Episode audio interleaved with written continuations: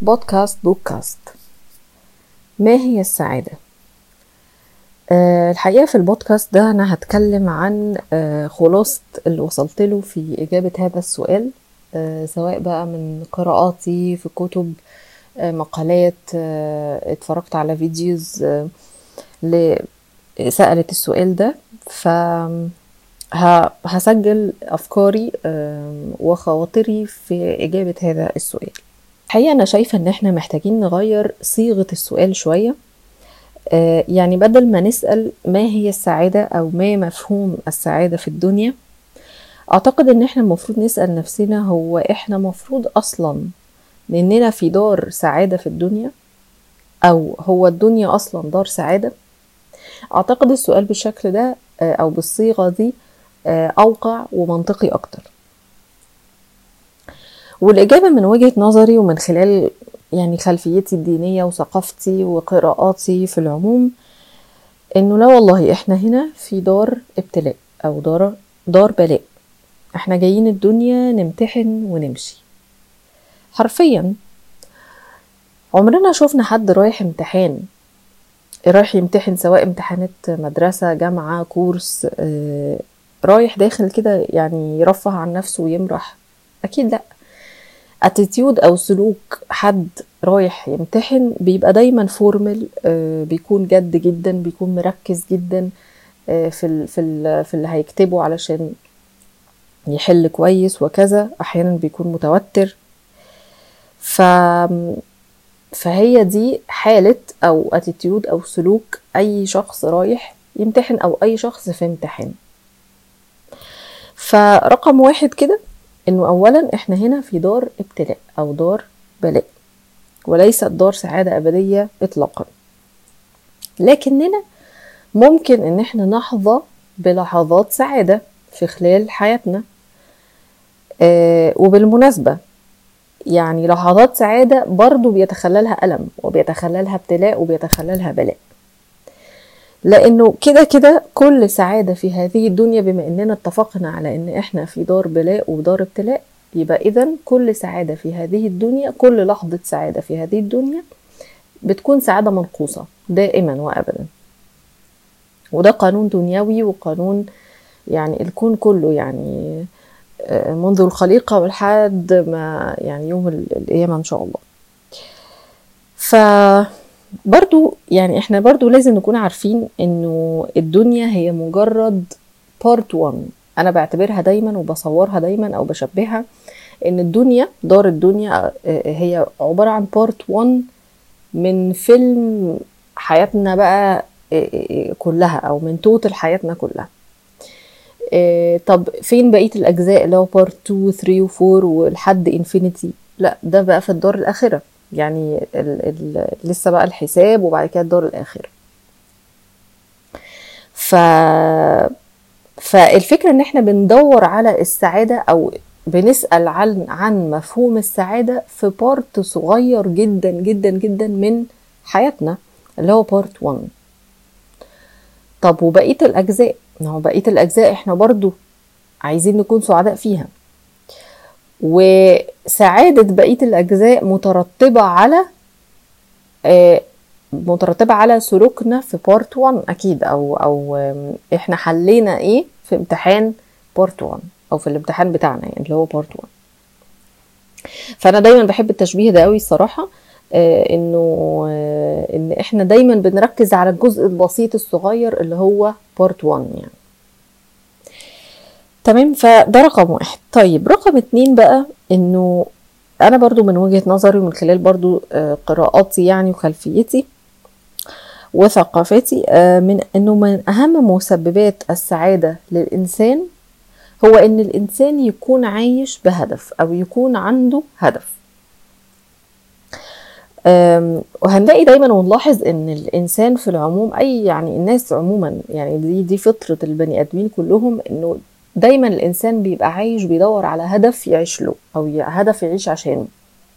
وده بيكون يعني دايما تارجت كده هو أي بني آدم آه لو بنتكلم على بني آدم سوي يعني نفسيا دايما هيبقى آه بيأمل أو بيهدف إن هو أو بيسعى ورا إن هو يكون حياته ليها هدف أو يكون عايش بهدف معين ايا كان الهدف ده إيه. ايا كان الهدف ده إيه. وطبعا أهم وأكبر وأسمى هدف البشرية كلها اتخلق اتخلقت علشانه هما حاجتين اتنين اللي هو عبادة الله سبحانه وتعالى وإعمار الأرض.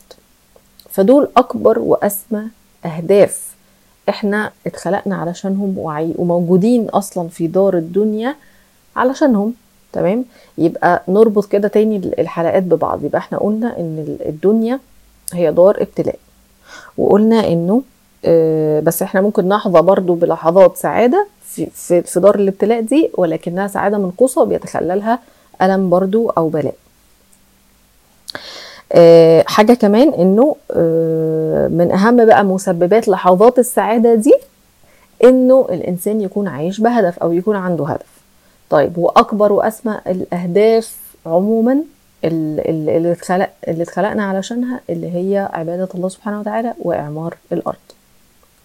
فونس إن الإنسان أدرك الهدف الأسمى من وجوده في هذه الحياة أو في هذه الدنيا هتبدأ أهدافه التانية الدنيوية بقى تترتب ترتيب صحيح جدا وهيبتدي يفكر تفكير